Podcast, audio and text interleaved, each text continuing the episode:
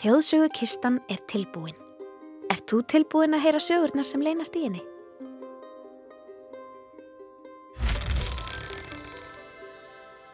Í dag fáum við tvær þjóðsögur. Svo fyrstaði frá Íslandi og er eins og allra frægasta. Hún er um djáknan á Myrká. Seitni sagan er frá Indiánum í Norður-Ameríku og fjallar um hvernig mannfólkið lærði allar sögur heimsins. Leifum Terry Gunnell, professor í þjóðfræði við Háskóli Íslands, að segja okkur aðeins frá þessum djákna á Myrká áður en sagan hefst.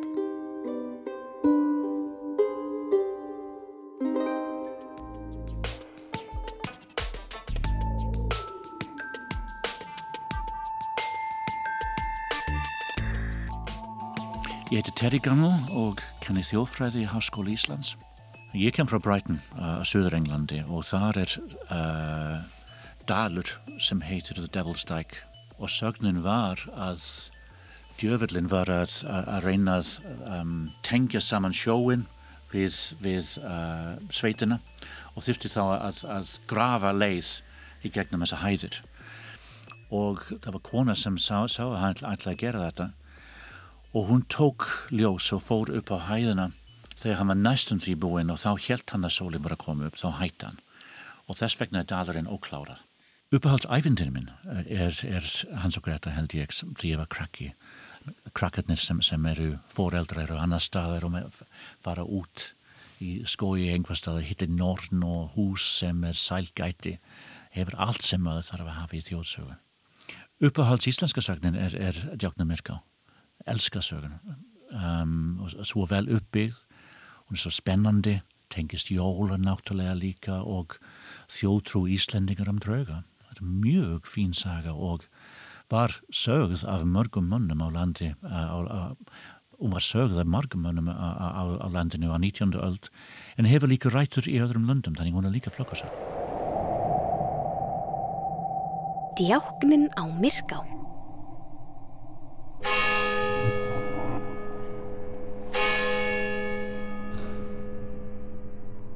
Einu sinni var Djákni sem bjó á Myrká í Eyjafyrði. Djákni er samstarfsmaður presta og vinnur fyrir kirkjuna.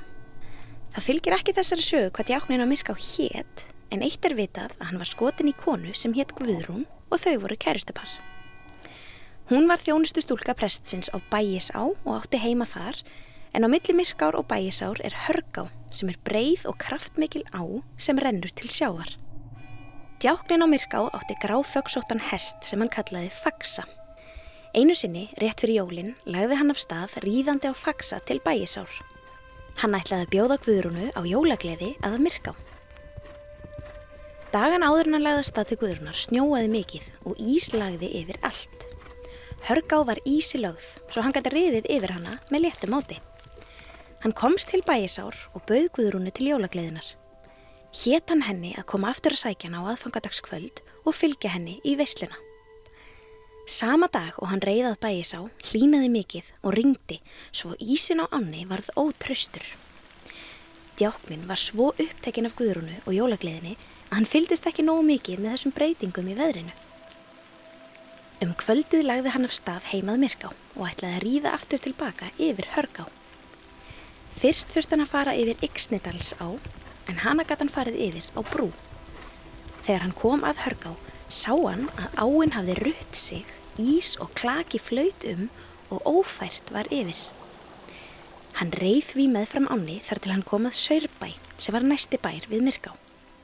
Þar var brú yfir ána og lagði hann af stað yfir hana. Þegar hann var komin á brúna miðja brast hún og bæði djáknin og faxi stiftust ofan í hörgá. Morgunin eftir, þegar bóndin á þúpnavöllum reys úr rekju, sá hann hest með reið tíum fyrir neðan túnið og sá strax að þetta var faxi, allur votur og ítla til reyka. En hvar var djáknin? Hann gekk upp með Anni þar til hann fann djákna, dáinn og liggjandi við árbakkan.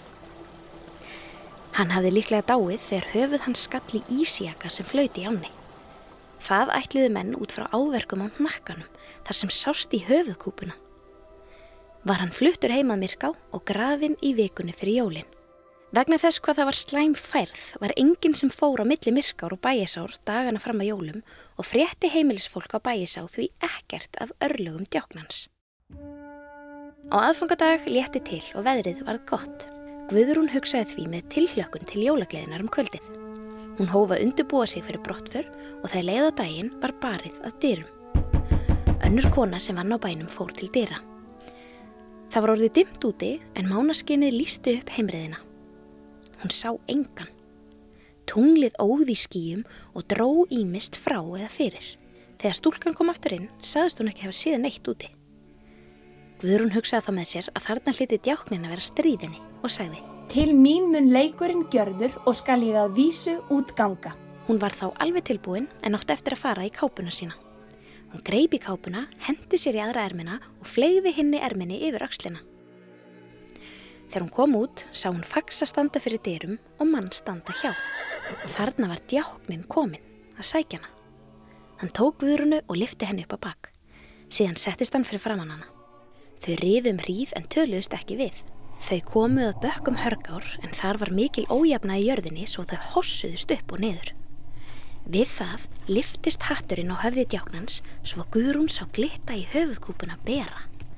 Á sömu stundu færðust skíin frá tunglinu og þá sagði djáknin. Mánin líður, dauðin rýður, sérðu ekki hvítan blett í nakka mínum, garún, garún. Henni brá mikið en ákvaða að segja ekkert og halda sér sem fastast. Þegar þau komu heimað myrká fóru þau af baki. Fyrir framann hliðið að kirkjugarðinum sagði hann. Býttu hérna garún, garún, meðan ég flyt hann faxa, faxa, upp fyrir garða, garða. Að svo mæltu fór hann með hestin en henni varði litið í kirkjugarðin. Sá hún þar opna gröf og varð mjög hrætt. Hún hljópa af stað, greipi klukkustrengin og ringdi kirkjuklukkunum af miklum móð. Í sömu andrá er gripið aftan í hana en henni til haps þá var gripið í lausu ermina sem hún hafði ekki haft tíma til að klæða sig í. Það var gripið svo fast að ermin ripnaði af kápunni. Það síðasta sem hún sá til djáknans var að hann steiftist með kápuermina sem hann hjælt á ofan í opnu gröfina og sópaðist moldin frá báðum hliðum yfir hann. Guðrún hjælt áfram að ringja klukkonum þar til bæjarmenn og myrká komu út og sótt hana. Hún var stjörfa fræðslu og þurfti að losa hendur hennar af klukkustrengnum með valdi. Hún þóttist vita hvað gerst hafiði, að þetta hafi verið afturganga, draugur og að djáknin á myrká væri dáin. Hann gata ekki sagt nafnið hennar rétt af því þá þurfti hann að segja Guð og allir vita að afturgöngur geta ekki sagt Guð. Hún fekk það staðfest hjá heimafólki á myrká. Djáknin hafði dáið og var búið að grafa hann í kirkjugarðinu. Hún fekk að sofa þar um nótina en þegar búið var slökka ljósið kom afturganga djáknans og ásóti Guðrúnu. Henni var svo mikið um að hún vakti alla heimilismenn og gatt enginn sofið þá nótt. Í hálfan mánuð eftir þetta mátt hún aldrei vera einn og það þurfti að vaka yfir henni hverja nótt. Þá var fenginn galdramaður frá skagafyrði til að særa niður draugin. Hann let grafa upp mikinn stein úr túninu og velta heimað húsinu. Um kvöldið þegar dimma tók og djáknin vildi komast inn, náði galdramaðurinn að særa hann niður í jörð og velta steininum yfir. Þar kvílir djáknin enn í dag. Eftir þetta hætti allir draugagangur á Myrká og Guðrún fór að hressast. Hún var þó aldrei söm eftir þetta.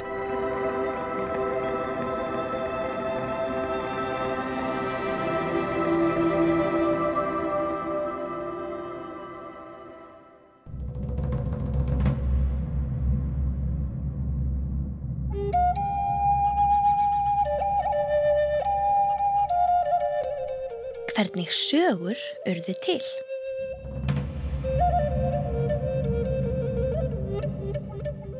Seneca indjánar eru frumbyggjar í bandaríkjónum. Þessi ættbalkur býr á landsvæði sem í dag kallast New York fylki. Næsta saga gerðist þar fyrir langa, langa lungu. Í Seneca þorpi bjó ungur indjánastrákur sem misti báða fórildar sína þegar hann var einungis nokkura vekna gamal. Strákurinn var tekin í fóstur af konu sem hafði þekkt fórildar hans. Hún gaf honum nafnið Poyeshaon sem þýðir munaðarleysingi. Strákurinn óks úr grasi og varð heilbriður og fjörugur. Þegar hann var nóg gammal, let fósturmóður hans fá boga og örvar og sendi út í skó til þess að veiða. Það er komið tími til að þú lærir að veiða til matar. Í fyrramálið skaltu fara út í skó og veiða alla fuggla sem þú sér. Hún tók mægiskorn og hitaði, gaf honum svo í nestispoka á samt smá pjötlu af hjartarskinni, svo hann er ekki svangur yfir daginn. Pojesja onn lagði á stað og gekk vel að veiða.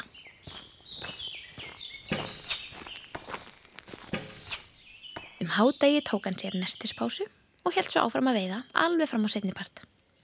Þegar hann gekk áleiðis heim hafði hann með sér vænan bunga af fugglum. Fósturmóður hans var ánægð en sagði að hann ætti að halda áfram að æfa sig, fara aftur á stað daginn eftir og gera betur. Hann hugsaði með sér. Ég gera alveg sem hún segir mér að gera og einn daginn verði ég mikill veiðmaður. Hann veiti allan daginn og kom heim með fleiri fuggla en kvöldið áður. Fósturmóður hans sagði. Vel gert! Þú getur nú lagt þetta mörgum til heimilisins og hjálpa mér að útvega okkur mat. Morgunin eftir hámaði hann í sig morgumatinn, tók með sér mægiskortinesti og hljópa af stað út til að veiða. Hann fór alltaf lengra og lengra inn í skógin og kom með fleiri og fleiri fuggla heim á hverjum degi. Fósturmóður hans var ánægð með hann. Á nýjönda degi kom hann heim með svo marga fuggla hann gæti valla borið á. Fósturmóður hans tók þá saman og dreifði til nágrannana sem voru mjög þakkláttir. Á tíunda degi fór Poyasja onn út eins og venjulega og hverjum degi hafði hann farið lengra en daginn áður inn í skógin. Eftir að hafa veitt marga fuggla yfir daginn fór snærið á örfunum hans að losna, svo fjæðirinnar voru við það að detta af. Hann leiti kringum sig eftir stað til að setjast niður og laga örina. Þá sá hann fallega laut með mjög sérstökum steini í miðjunni. Hann var hár, sléttur áferðar og flatur að ofan. Þetta var frábær staður til að sinna viðgerð. Hann settist á steinin, tók snærið af örinni og sett upp í munnin á sér til að mýkja það. Svo endur aðeða hann fjöðrónum og var í þann mund að herða snærið aftur utanum þær þegar hann heyrði rött sem virtist koma undan honum. Á ég að segja þér sögur? Poyasja onn leit upp og snýri sér í heilan ring, en sá engan. Hmm, ég hlýta að hafa ímyndað mér þetta. Hann snýri sér aftur að viðgerðinni. Á ég að segja þér sögur? Aftur leit Poyasja onn í kringum sig, en sá engan. Hætti að reyna að gappa mig. Ég er ekki trættur. En aftur saði röttin.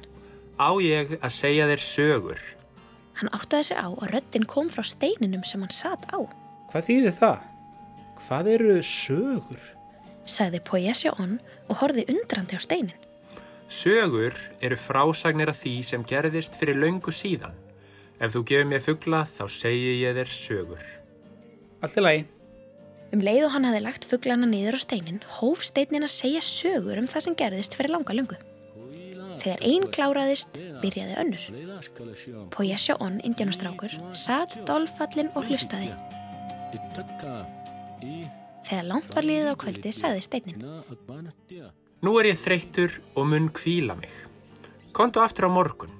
Ef einhver spyr um fugglana þína, segðu þá að þeim færi fælkandi í skójunum að því þú sért búin að veiða svo marga.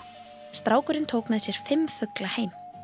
Þegar fóstumamman spurði hversan hann kemi allt í hennu með svona fáa fuggla, þá gaf hann henni svarið sem steinin hafi sagt honum að gefa. Dægin eftir hljóp Poyasja onn indjánastrákur út í skó með boga, örvar og mægiskorn í boka. En hann glimta að veiða fuggla. Hann var svo spenntur að heyra fleiri sögur. Rétt áður en hann kom að steininum, mundan eftir samningnum þeirra, veitti nokkra fuggla sem hann lagði á steinin og um leið hóf steinin upp raust sína. Svo sagði hann sögu eftir sögu. Um kvöldi sagði steinin. Nú kvíli ég mig. Og strákurinn hljóp heimálið. Hann náði bara að veiða nokkra fuggla á leiðinni heim. Um kvöldið fór fósturmamma hans yfir til nágrannana og lísti yfir áhegjum sínum af breytingum í fari Poyasja onn. Hann vildi ekkert veiða lengur og kom heim með sára fá að fuggla hverjum degi. Þau ákvaðu að það væri best að senda annan strák á eftir honum til að njóstna. Þetta var eitthvað grunnsamlegt. Strákurinn fór morgunin eftir og eldi Poyasja onn út í skó.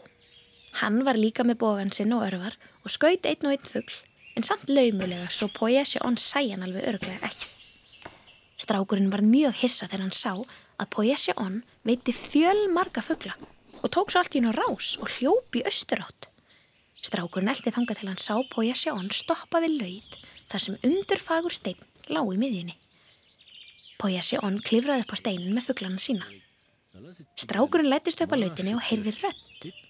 Hann sá samt enga aðra mannesku en Pója Sjón.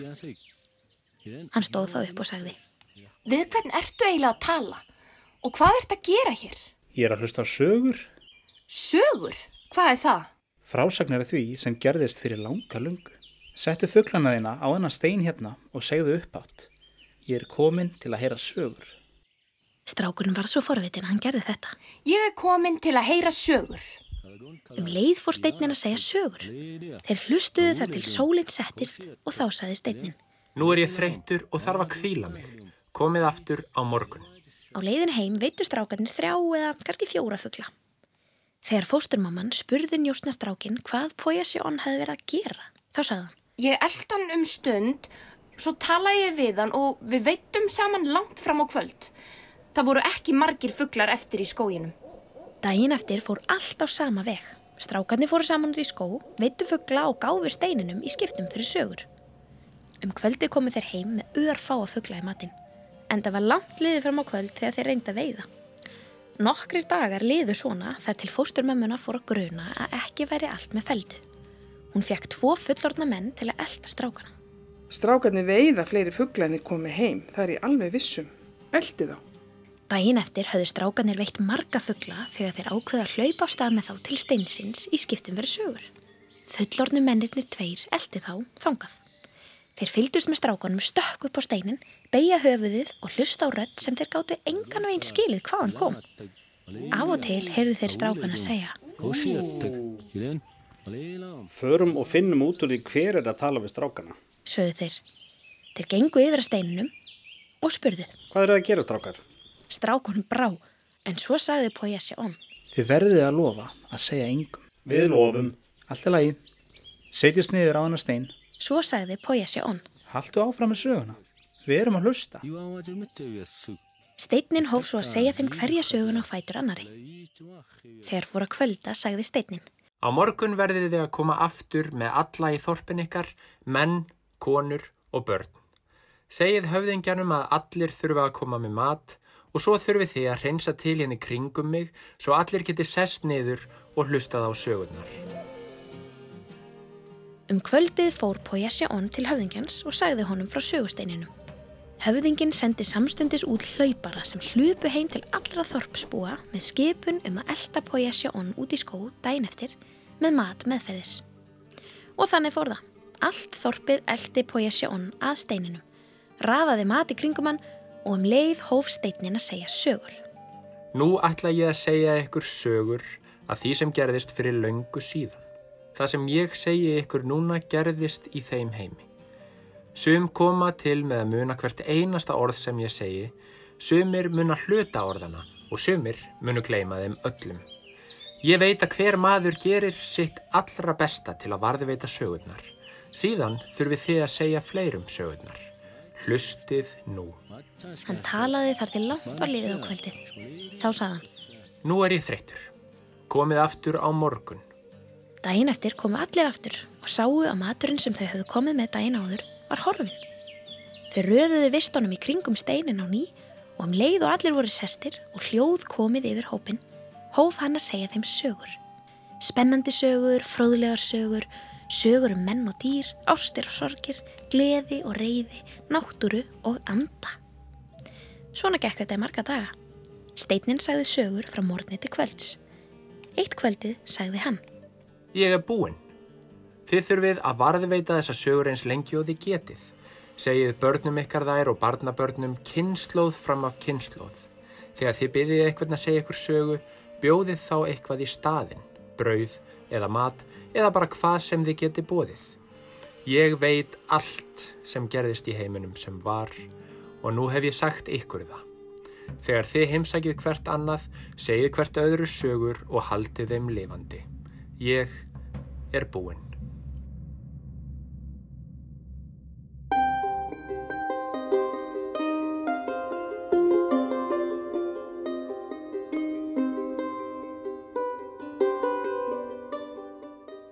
Sögur eru allstaðar, hvar sem við lítum.